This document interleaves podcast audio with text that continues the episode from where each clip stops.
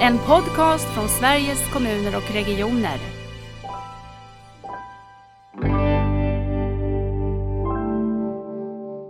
Nära vårdomställningen är ju en av de absolut viktigaste förutsättningarna för att vi ska kunna ta oss an de här utmaningarna. Utan att vi håller i den, då blir det jätte, jättesvårt.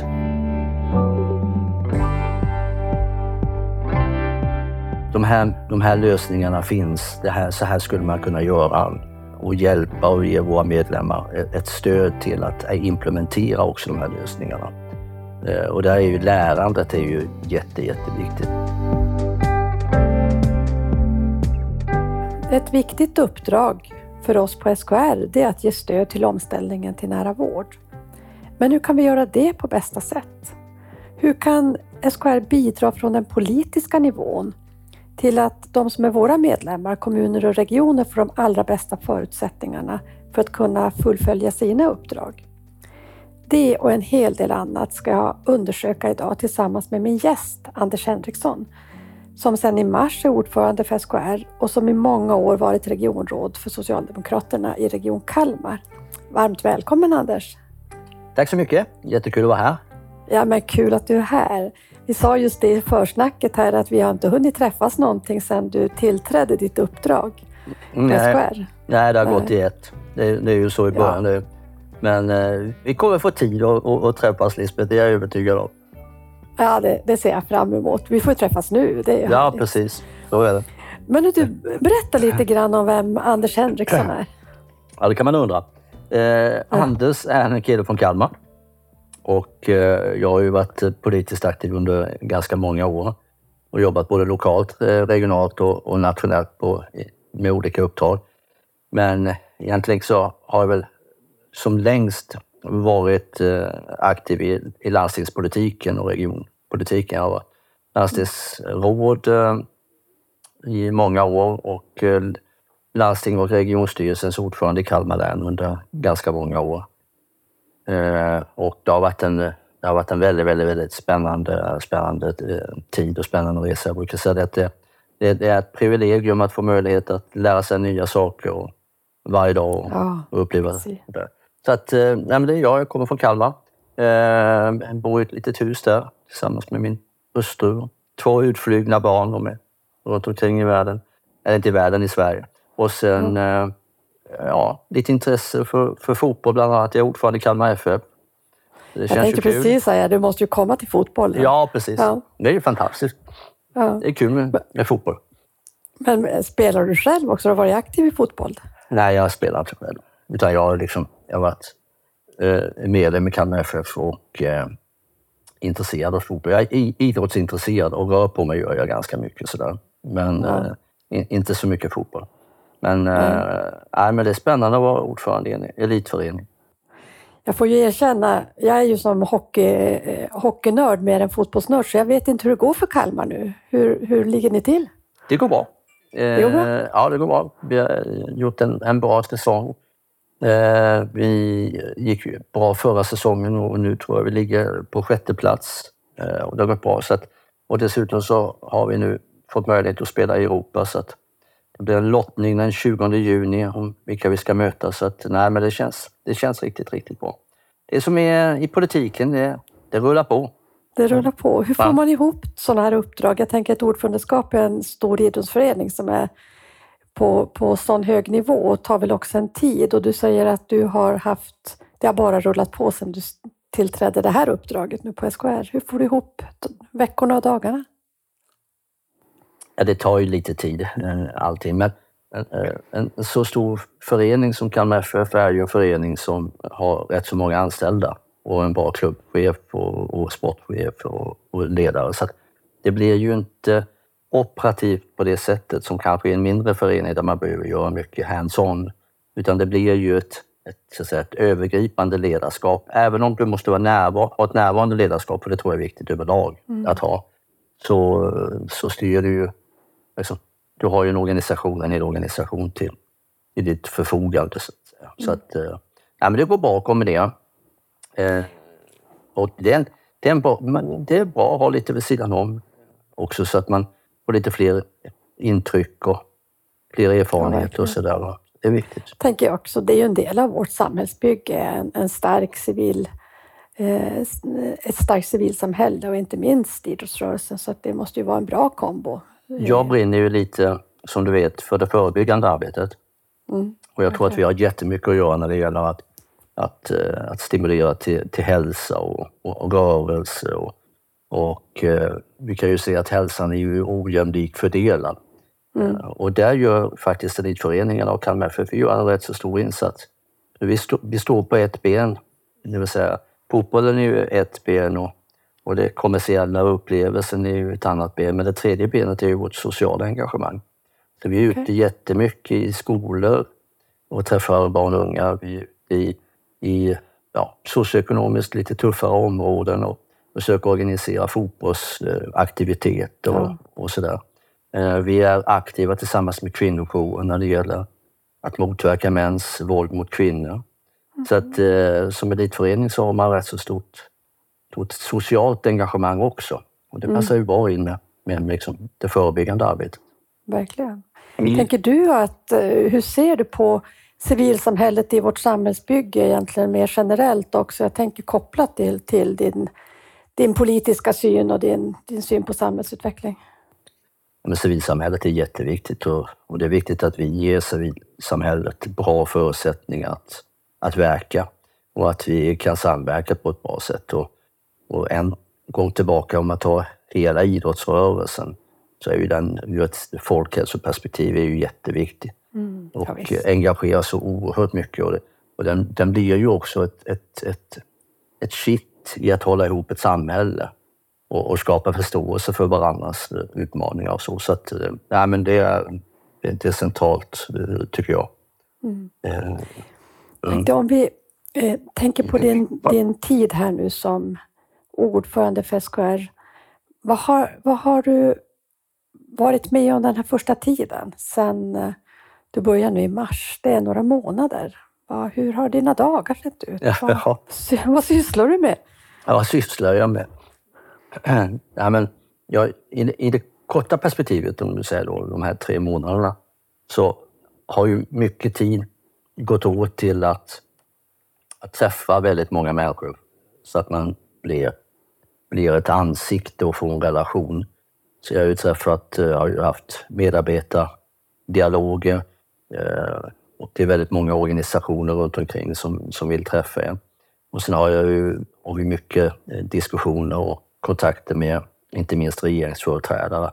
Så vi har ju gått igenom och försökt träffa de flesta statsråden nu för att, för att eh, ja, informera om, om våra frågor och, och, och sådär. Och sen är det ju en hel del resor och så. Så att jag, jag precis faktiskt sent igår kväll så kom jag från Georgien i Tbilisi. Har jag varit i Tbilisi. Och gjort vad? Vi har ju en, eh, en, ett engagemang i, i vår internationella eh, ja, samverkan. Det kallas för CMR. Det är alla kommuner och regionförbund som samverkar i Europa kring, eh, kring självstyre, kring de frågor som är viktiga för kommuner och de frågor som är viktiga för regioner. Så då har vi haft en, eh, en kongress kan man väl säga i Tbilisi i två dagar. Men sen har jag också passat, passade vi på att träffa utrikesdepartementet där, vår svenska ambassadör. Vi var i de ockuperade områdena precis sidan om och, och så där. Så att, eh, det har varit en, en, en spännande resa.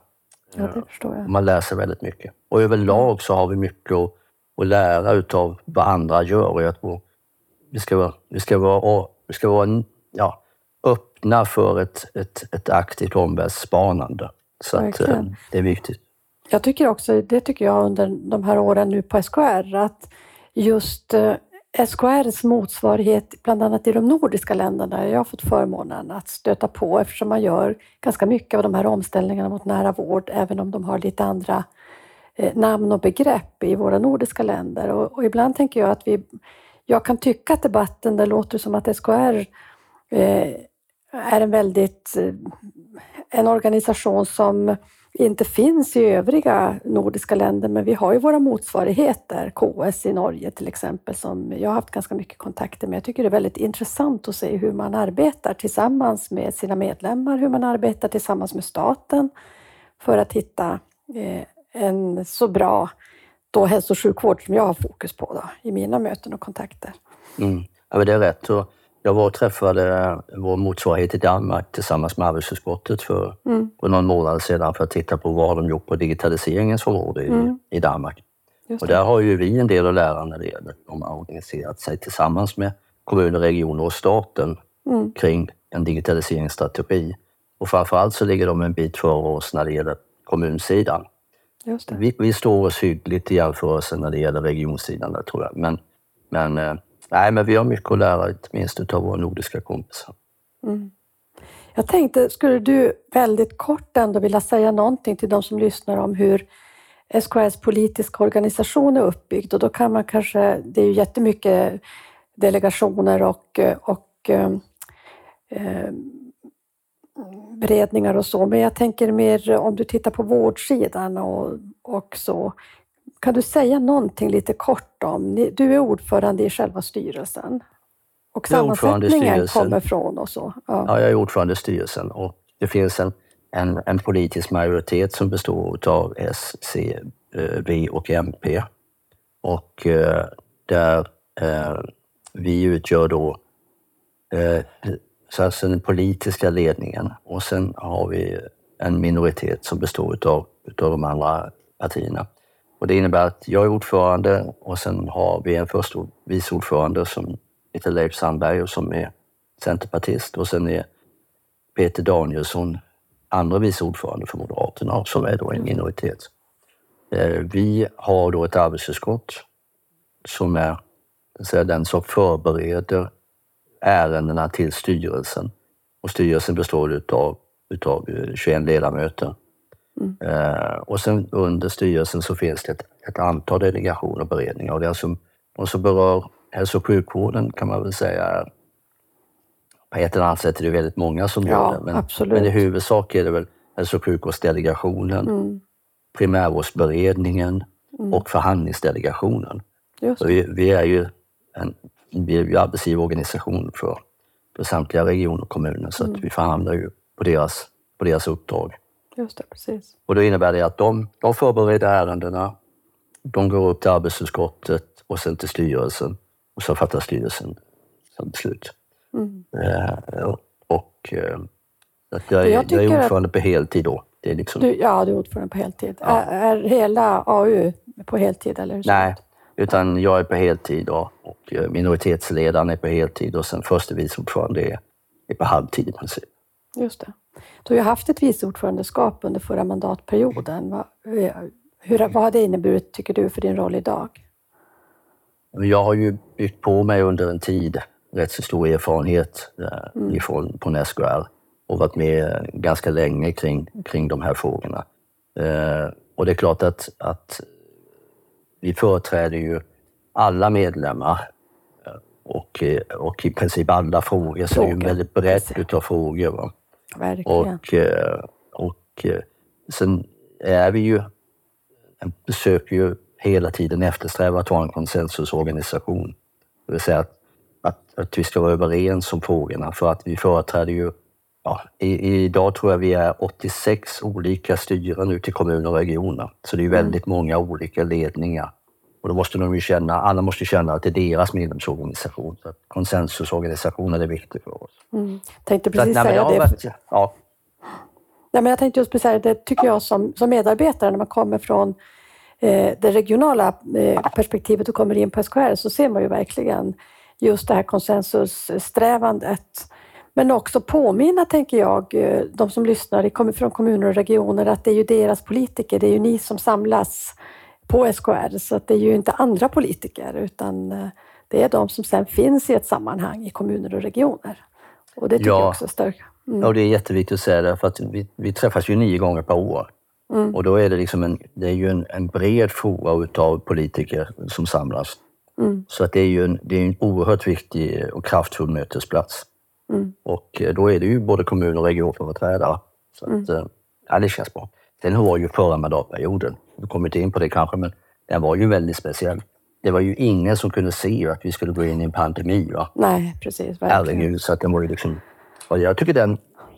Ja, ska vi inte fördjupa oss i pandemin, men, men eh, jag tyckte på många sätt så klarade, klarade regioner och kommuner den ganska bra. Vi klarade av att ställa om och vi samordnade oss. Men fanns det ju ett lärande i det också. Allt funkade ju inte. Det, det, ju inte, det var säkert inte så någonstans, men, men jag tycker i huvudsak så klarade vi det bra.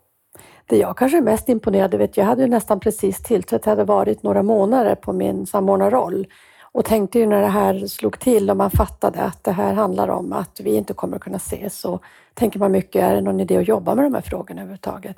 Mm. Jag är ganska imponerad över att man trots en pågående pandemi och kanske till viss del också tack vare har kunnat ta så mycket steg framåt i samordningen kommuner och regioner som för mig är en av de allra viktigaste frågorna för att använda resurser väl. Digitaliseringsfrågorna, Alltså det finns verkligen språng som tog så att man också orkade mitt i att jobba med en, kanske den värsta kris som ingen hade förutsett som du säger. Det, det är jag imponerad av. Ja, nej, absolut. Och inte minst digitaliseringsfrågorna fick ju sig ett, ett lyft. Vi lärde mm. oss en hel del. Ja, eh, och nu gäller det ju nu gäller det att ta tillvara den nya kunskap som finns på ett bra sätt. Och jag tyckte mm. också vi lärde oss när det gäller samordningen. Ja, Omställningen på IVA-platser och sådär. Så Ja, det fanns ett, ett lärande i det faktiskt. Mm. Och jag tycker nog kommun och region också. Det tog kanske ett tag men sen har vi verkligen hittat eh, varandra och det har spelat stor roll i det arbete som jag får vara nära med omställningen. Att kommuner och regioner kan hitta varandra på ett viktigt sätt och använda sina resurser klokt jag tänkte Andrew, om du får spana lite framåt och, och se vad är de viktigaste frågorna under den här mandatperioden för SKR? Och då tänker jag stort. Du behöver inte hålla dig till bara hälso och sjukvård. Ja, men jag, jag, jag, jag tror att, att um, vi står inför rätt så stora utmaningar framöver. Uh, och, och, jag tror många är ganska, känner sig ganska så, så bekanta med de där utmaningarna. Dels är det ju naturligtvis den ekonomiska situationen som slår hårt nu mot både kommuner och regioner. Mm. Och där det har vänt väldigt, väldigt, väldigt fort. Där vi behöver fundera lite på hur ska vi kunna driva så att vi skapar långsiktiga, stabila ekonomiska förutsättningar för våra kommuner och regioner på ett bra sätt. Så ekonomin är en jätteutmaning. Jag ser en stor utmaning när det gäller kompetensförsörjningen. Mm. Vi har ju sagt under lång tid att, att ja, den demografiska utmaningen är snart här. Nu är vi mm. liksom nu är vi mitt inne i den demografiska utmaningen där, där andelen som är anställningsbara framöver kommer att vara betydligt färre än vad behoven är. Mm. Eh, och, eh, och det är ju inte bara inom kommun och region utan det är ju inom, inom hela, hela samhället så det kommer ju vara en jätte, jättestor utmaning. Eh, tittar man på befolkningsutvecklingen nu över tid så fortsätter den ju när vi blir allt äldre och, och andelen som, som föds nu blir färre. Mm. Så att den, den utmaningen fortsätter. Ja. Sen tycker jag vi har en, vi har en stor utmaning också att, att se, se, till att vi kan erbjuda en, en jämlik hälso och sjukvård. Och tittar man på, på hälsan som jag var inne på tidigare så är den ojämlik fördelad. Mm. Och vi behöver bli bättre tillsammans, kommuner och regioner, att jobba med det förebyggande arbetet och se till så att, att barn och ungdomar får en bra, rätt start i livet och att att vi kan hålla tillbaka de kroniska sjukdomarna. Så vi saknar ju inte utmaningar, utan de är större än vad de har varit på länge. Och det där ställer ju nya krav på oss. Att vi mm. kommer inte klara av att ta oss an de utmaningarna med att bara göra det vi gör idag, utan vi måste göra på ett annorlunda sätt. Eh, och då, då, tror jag att, att det också ställer nya krav på, på SKR som organisation framöver. Vi behöver liksom fundera på hur ska vi hur ska vi kunna vara ett modernt eh, stöd och hjälp för våra medlemmar mm. i, den, i de här utmaningarna? Mm. Då, då, brukar jag peka på tre saker okay. eh, som vi behöver titta på. Va? Det ena är ju, och det, det, är lite utifrån ditt perspektiv när det gäller personcentrerat eller, ja. eller nära våra, alltså vi behöver bli duktiga på att ha medlemmens fokus mm. istället för medlemmar, medlem i fokus. Och, och, med det menar jag lite att, att, det går inte att ha en lösning som passar alla medlemmar utan vi, mm. måste, vi måste kunna anpassa våra lösningar mer utifrån medlemmens perspektiv, alltså kommuner och, och regioners perspektiv har vi gjort tidigare. Mm. Det andra är att, att det finns ett... Vi är ju idag en, en väldigt, väldigt bra mötesplats Eh, men vi behöver också bli en, inte bara en problemformulerare, utan vi behöver bli en bättre problemlösare. Det vill säga att, att vi kan peka på vad är det för... De här, de här lösningarna finns, det här, så här skulle man kunna göra och hjälpa och ge våra medlemmar ett- stöd till att implementera också de här lösningarna. Eh, Och där är ju lärandet är ju jätte, jätteviktigt. Och det tredje, och, och jag, jag gillar att, att, att säga det, men jag tycker att vi behöver bli lite mer som Pippi Långstrump. Jag brukar använda Pippi som, som en, en bild där.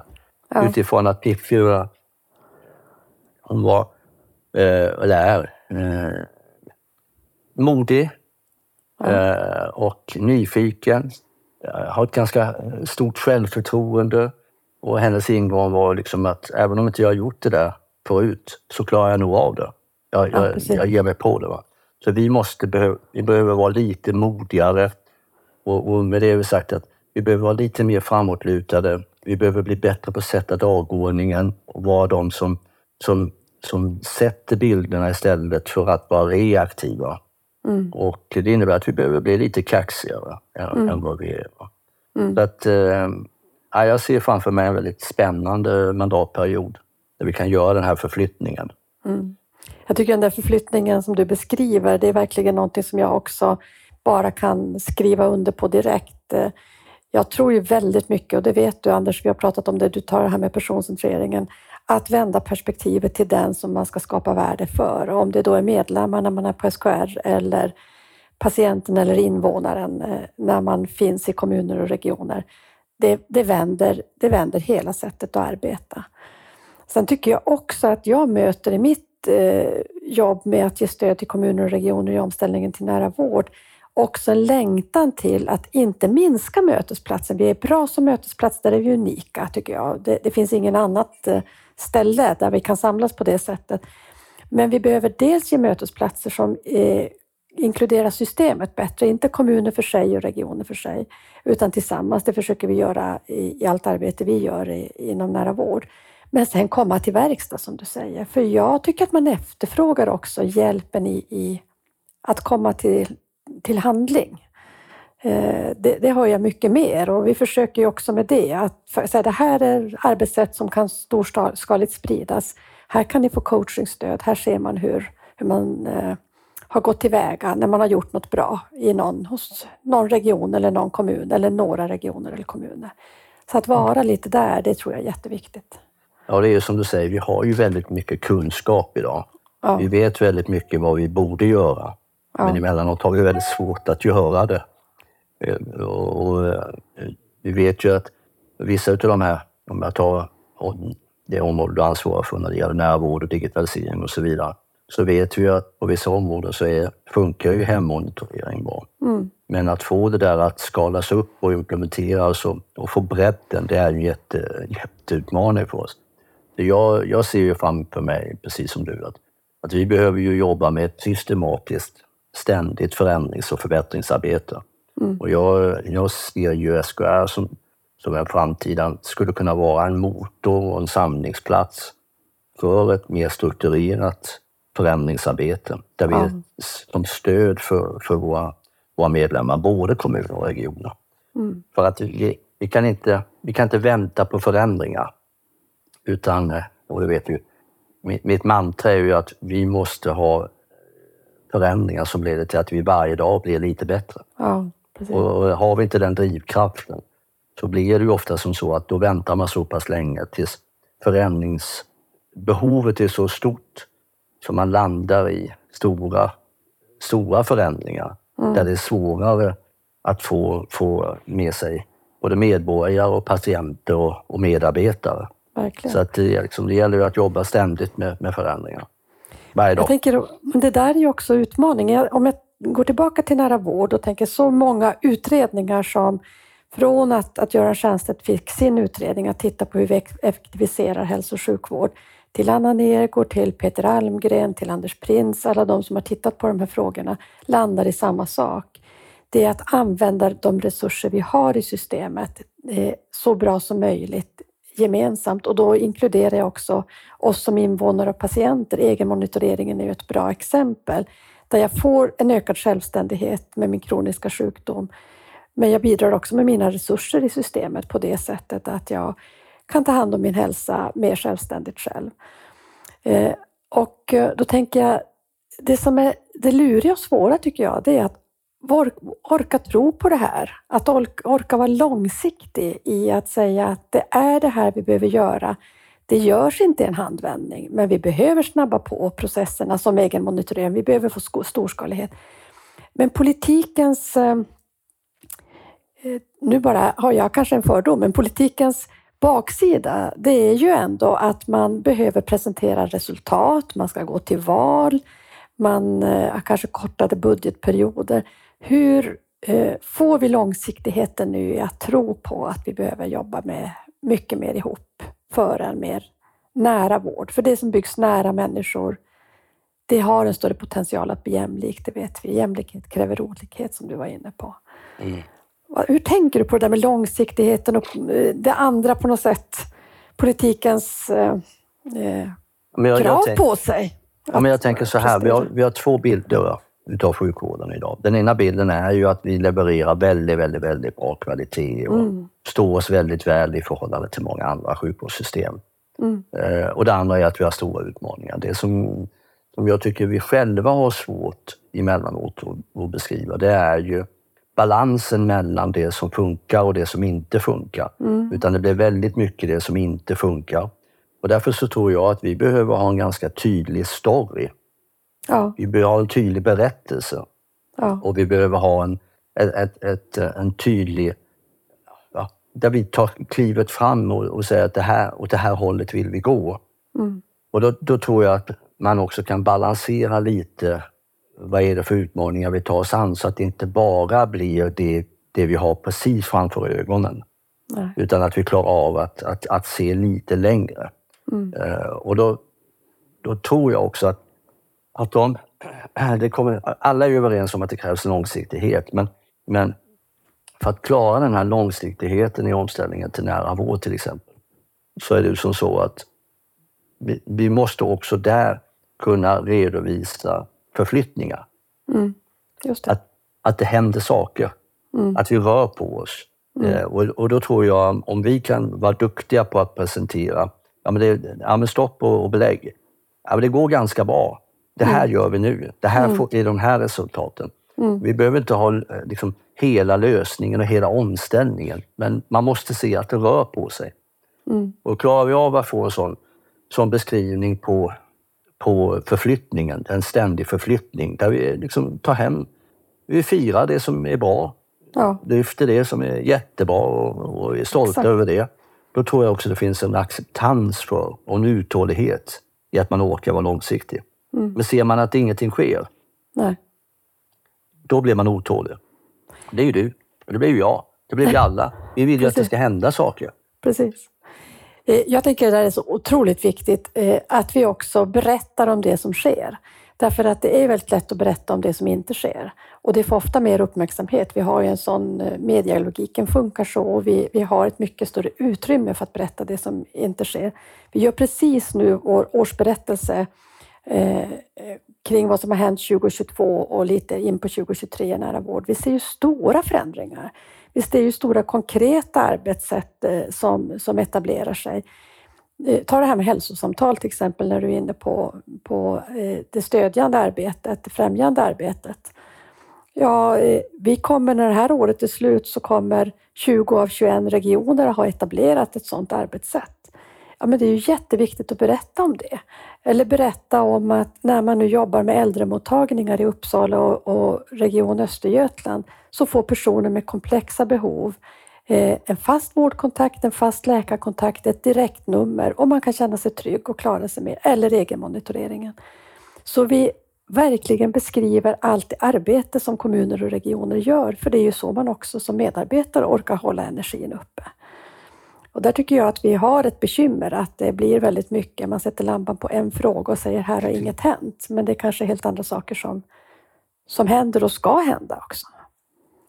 Men där ligger utmaningen lite hos oss.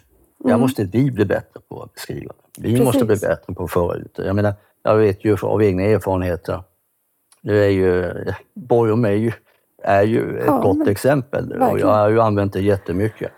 Och den, Borgholm är ju liksom, oavsett om det är Borgholm eller om det är Vetland, där, om det är Luleå eller vad det nu Övertorneå kan det vara. eller Ja. Övertorneå, visst. Så det spelar liksom ingen roll. Så blir ju det en, en motor i att, att vi rör på oss. Ja. Och där tror jag att, att eh, som sagt var, vi, är- vi, vi skulle kunna vara vi skulle kunna bli ännu bättre på att resent- presentera våra resultat. Och det får vi tror jag- hjälpas åt att fundera lite på hur hur vi ska Ja. göra. Och jag tror också att det handlar om, om vår, vad ska jag säga, du svarade här att vara proaktiva i debatten. Att inte vänta på att reagera på saker som andra sätter agendan för, utan också sätta agendan själva i vårt sätt att vara kommunikativa också. Så att jag tror det finns många olika spännande saker vi kan göra framåt.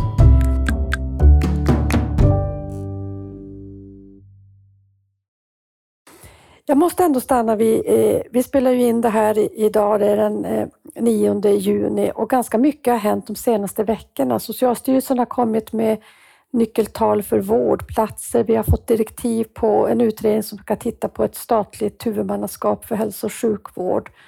Och så det finns många röster, känner jag, i, i de möten jag har som är rädd för att fokuset flyttas nu från det som handlar om den nära vården, det främjande arbetet och så till att, att handla om andra saker.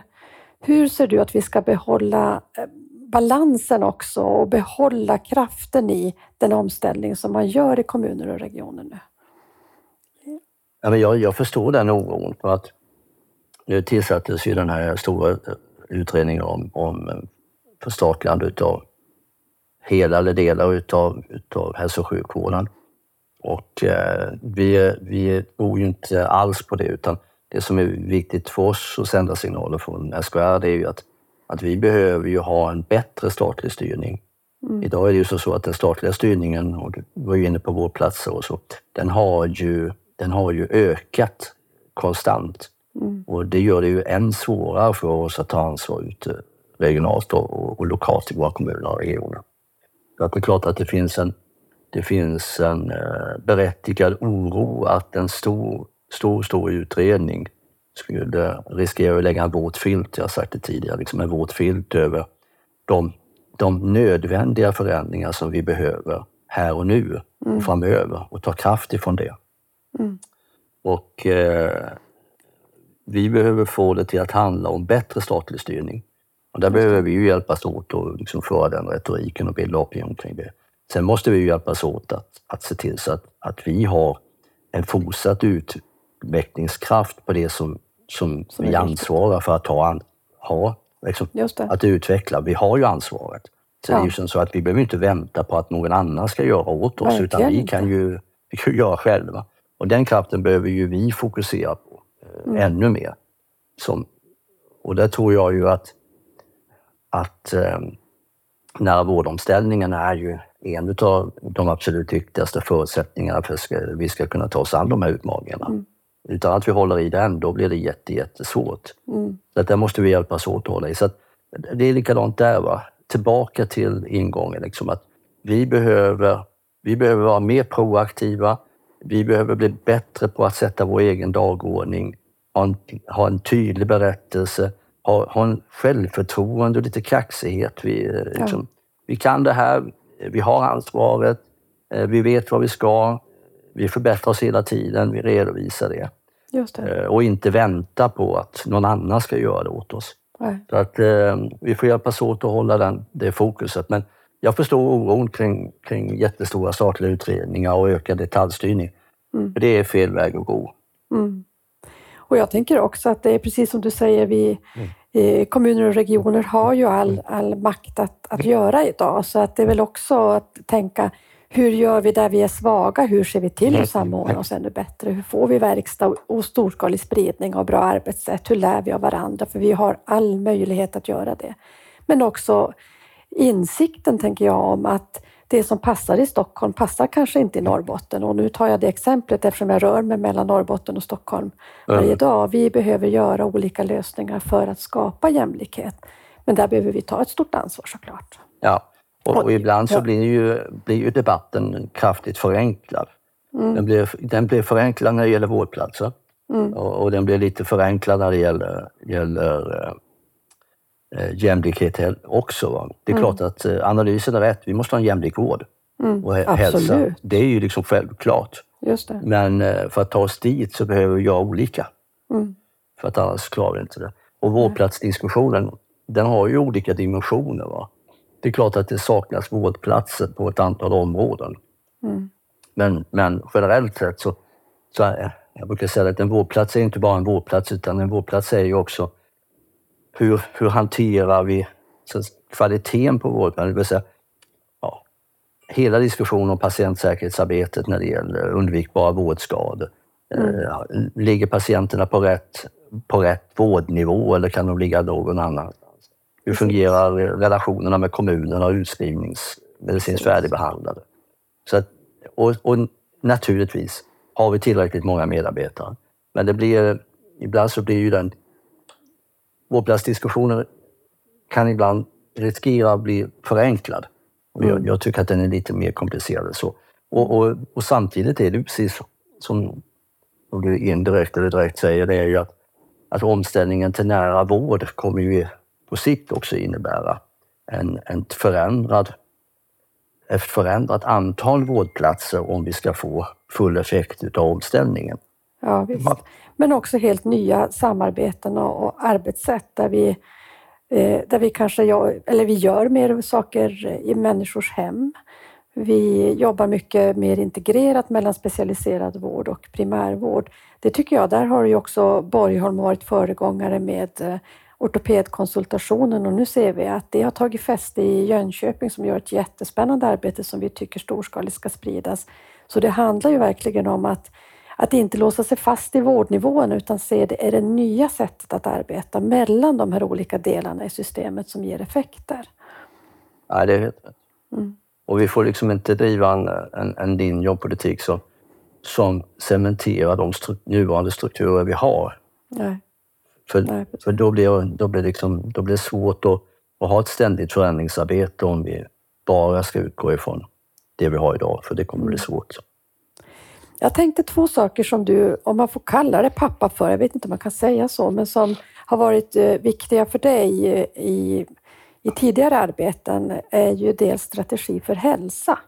Som, eh, jag vet inte Anders, du får berätta lite bakgrund. Var du initiativtagare eller var ni några, hur gick det där till egentligen? Jag vet att jag var med på ett hörn i en helt annan roll på den tiden som, som facklig representant i, i det arbetet och idag jobbar vi ju väldigt tajt ihop med strategi för hälsa som en del i omst- omställningen till nära vård också, och det proaktiva och förebyggande. Men säg någonting om, om det arbetet. Ja, men vi var nog många som, som var Mm. pappor och mammor till det Mm. där.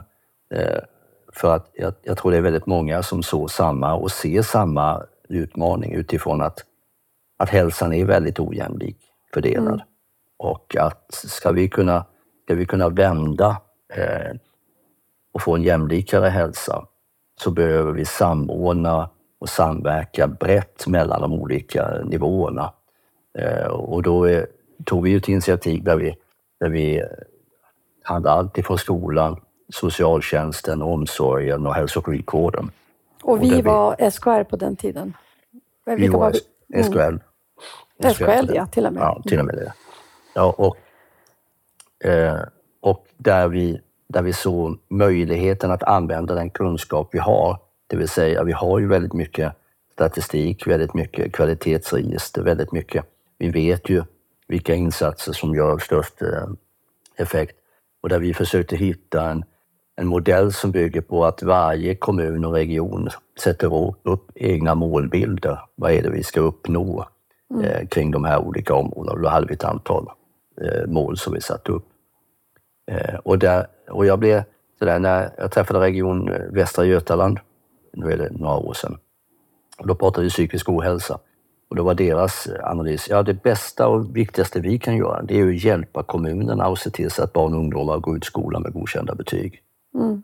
Och då har man, liksom, då har man sett helheten när man har det perspektivet som, som region. Att, att det går liksom inte att lösa det här bara genom att en nivå gör saker och ting, utan vi måste hjälpas åt. Och, och jag menar, vi vet ju vi vet ju vad, vad det är för insatser som behöver göras och, och tidiga insatser gör jättestor skillnad. Mm. Så det där har varit ett väldigt viktigt arbete och är fortsättningsvis Mm. minst lika viktigt arbete idag. Verkligen. Och tycker jag är en helt naturlig del av, av omställningen till nära vård. Så att det är så bra att vi kan jobba så. Och, och våra medlemmar också jobbar väldigt integrerat med de här frågorna i de flesta län. Ska jag säga. Då säger jag län för att det är regioner och kommuner tillsammans eh, som behöver jobba för de här frågorna. Den andra eh, saken som jag tänkte, om vi nu ska säga pappa till, är ju patientkontraktet, patientens rätt att få, eh, få det som planeras för en sammanställt på ett bra sätt. Att man får verkligen som vårdpersonal ta patientens perspektiv och inte sätta patienten i fokus, ha patientens fokus istället. Eh, och det har ju du också varit en, en drivande del i, som också en viktig del, både i en överenskommelse vi har med staten om eh, hur vi ska jobba med omställningen till nära vård och i det arbete som våra medlemmar gör på det här området. Mm. Varför tror du att det är viktigt? Varför tycker du att det är viktigt?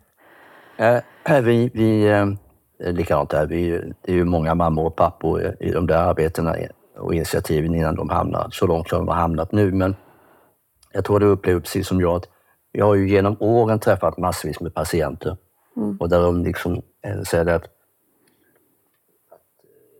vi, vi hamnar liksom emellan nivåer och vi hamnar i ett läge där man pratar om oss men inte med oss. Det vi skulle vilja ha, det är ju en roadmap. Mm. Hur ser min, min resa ut? Eh, var ska jag ta vägen? Vem ska jag vända mig till? Exakt. Eh, och den där roadmappen, den vi, vi såg ju ett embryo på, nu blir det mycket Kalmar där, men du får, Ja. får leva med det. Det är väl klart, det är därifrån du kommer. Man ja, måste, leva med det. Ortopeden i Oskarshamn, ja. väldigt, väldigt duktig. Dan som var väldigt... De hade, de hade ju liksom ett embryo till ett patientkontrakt där de var väldigt tydliga med att det här är de, det som vi eh, informerar patienten om att de kan ställa krav på oss. Det här är det som vi vill att de ska göra. Här är telefonnumret, eh, de kan ringa när som helst. Eh, Vi lovar dem att efter operation så kontaktar vi dem eh, ja, två dagar efter, sex veckor efter. Alltså hela den här roadmappen om, om hur det skulle gå till hade de liksom en, en, en bra bild på. Och då tänkte vi, det där är ju, liksom, det, är ju det alla efterfrågar. Ja. Och eh, hur kan vi skala upp det där? Och då, då fördes liksom tanken kring, kring ett, ja vi behöver göra någon form av patientkontrakt, en, en överenskommelse att, eh, att det här är de förväntningar som vården har på dig.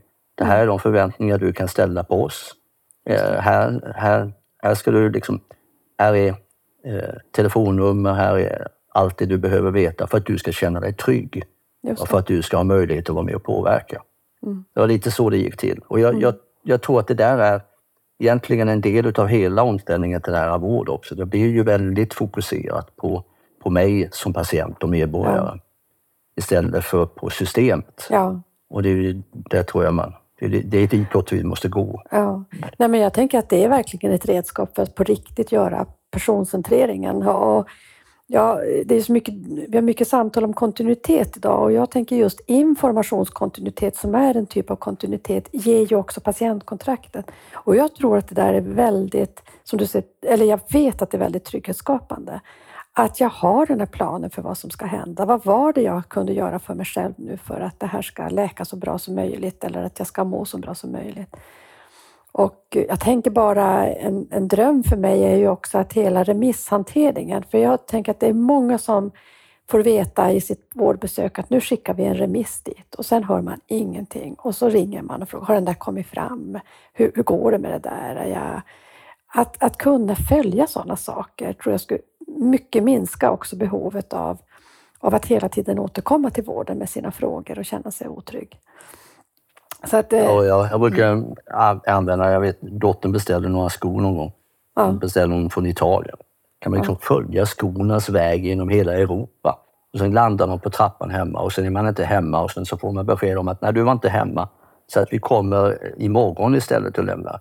Och då är Ja. det, men liksom, den där, och det gör ju att, att i skolleveransen så blev blir man ju trygg. Men det är klart, vi måste göra samma resa när det gäller remisser. Ja, precis. Att man vet var någonstans befinner sig saker och ting för att skapa den här tryggheten. Nej, jag, jag tror det där leder till, precis som du säger, det, det leder till osäkerhet och otrygghet. Men det leder också till mer jobb. Ja, det leder till mer jobb. Det Göra- lite mer jobb. Då. Att göra saker eh, på nya sätt, det leder också till att vi sparar, eller vi använder resurser smart. Jag tänker Ja. vi är ju i ett viktigt skede nu. Vi jobbar ju på med patientkontraktet och, och eh, vi ser en större systematik. Vi ser en viss eh, eh variation i landet ska vi också säga. Man har kommit olika långt och eh, några är riktigt långt framme och erbjuder patientkontrakt till Jönköping tror jag har utfärdat eh, närmare ja, 270 000 i alla fall patientkontrakt och mäter dem. Andra har inte kommit lika långt. Nu tror jag vi kommer i ett avgörande skede. Nu kommer ju Inera att, att gå ut med in, eh, avsiktsförklaringen kring den sammanhållna vyn på 1177. Den här ytan för där patientkontraktet kan speglas. Och jag, jag tänker i, i mitt huvud att det vi gjorde med journalen på nätet för tio år sedan, det var ganska mycket turbulens kring, men det var ett avgörande steg för att verkligen gå mot en mer personcentrerad vård. Möjliggöra för patienten att se vad som har hänt. Nu skapar vi en yta som inte bara är retrospektiv där vi tittar bakåt. Vi skapar en yta där jag får en plan för det som är framåt med den här sammanhållna planeringen på 1177. Jag tror det kommer att, att vara otroligt viktigt för, för vårt vårdsystem. Så nu håller jag bara tummarna att alla regioner skriver på avsiktsförklaringen. Vi får komma igång med arbetet från årsskiftet sen. Det är ju jättespännande. Ja. Visst är det spännande? Ja, visst är det spännande? Jätte- Visst är det... Jättespännande. Vi var ju med i journalförändringen. Den var inte lätt att... Den var inte lätt. Nej, den var inte lätt. Det var Nej. inte alla som gillade det där. Nej, nej, verkligen Men inte. nu är det, nu är det liksom Det är självklart. självklart. Ja, Precis. Och det är också patientsäkert. Man går in och Ja. säger, men nu blev det fel här. Nu kan jag höra av mig. Det här var ju inte... Eller det var så här jag skulle träna min handled när jag hade brutit den eller vad det var för någonting. Nej, jag hoppas det. att- Nej, men det är jättespännande. Så Kul att, eh, att vara med i den resan. Jättekul. Det är kul. Det, får, det Ja. tänker jag. Får, du får väl också ha någon plan för din mandatperiod. Att det har hänt Ja. mycket på den frågan med sammanhållen planering på 1177 när den här mandatperioden är slut. Ja, Det är absolut. absolut. Hör Anders, vi ska börja avrunda. Vilket eh, spännande samtal vi har, har haft. Men vad är det du inte har fått prata om som du hade velat säga och prata om? Ja, jag tycker du har, du har ringat in det mesta. Det, det, det mesta. Nej, jag tycker det var bra. Jag, jag, jag, tycker det är bra att, eh, att vi nu har fokus på nära, nära vårdomställningen. Jag vill Ja. säga det att vi, vi, vi behöver hjälpas åt allt vad vi kan att, att klara av att vara långsiktiga eh, och, och, och ställa om. Alla säger det. Ja. Men, men det måste också, vi måste liksom verkligen hjälpas åt att hålla i. Så att, nej, bra jobbat Lisbeth, jättebra jobbat. Ja, tack så mycket. Och vi är många ska jag säga där också. Det är ju både många på SKR men framför allt en... Jag tycker att jag har varit med, fått förmånen att vara med länge nu i hälso och sjukvårdens utveckling, men den här rörelsen och speciellt över kommun och regiongränser, det har jag faktiskt inte sett förut. Så att jag är väldigt hoppfull. Mitt i alla stora utmaningar vi har så är jag hoppfull. Så det känns härligt. Men du ska få våra nära vårdfråga. Vad, vad är nu nära för dig, Anders? Ja, jag misstänkte det. Nej, men jag, jag, jag tror det är inte väldigt mycket det vi har varit inne på. Att, att nära för mig är att, att, ha, att vården har mig som, som utgångspunkt som patient och medborgare. Eh, oavsett om det är kommunen eller om det är hälso och sjukvård eller regionen. Att, att jag får möjlighet att vara välinformerad. Att vården är lättillgänglig och att jag vet att jag får den vård jag behöver på rätt nivå när jag behöver den. Eh, Och eh, det, det tror jag är nära för, nära för mig. Eh, Ja, jag vill ha den där liksom, lättillgängliga eh, vården där jag, där jag känner att jag är i centrum. Tack, vad roligt att prata med dig. Tack för att du var med i Nära vårdpodden, Anders Henriksson. Mm. Mm, tack. Hej Lisbeth. Hej.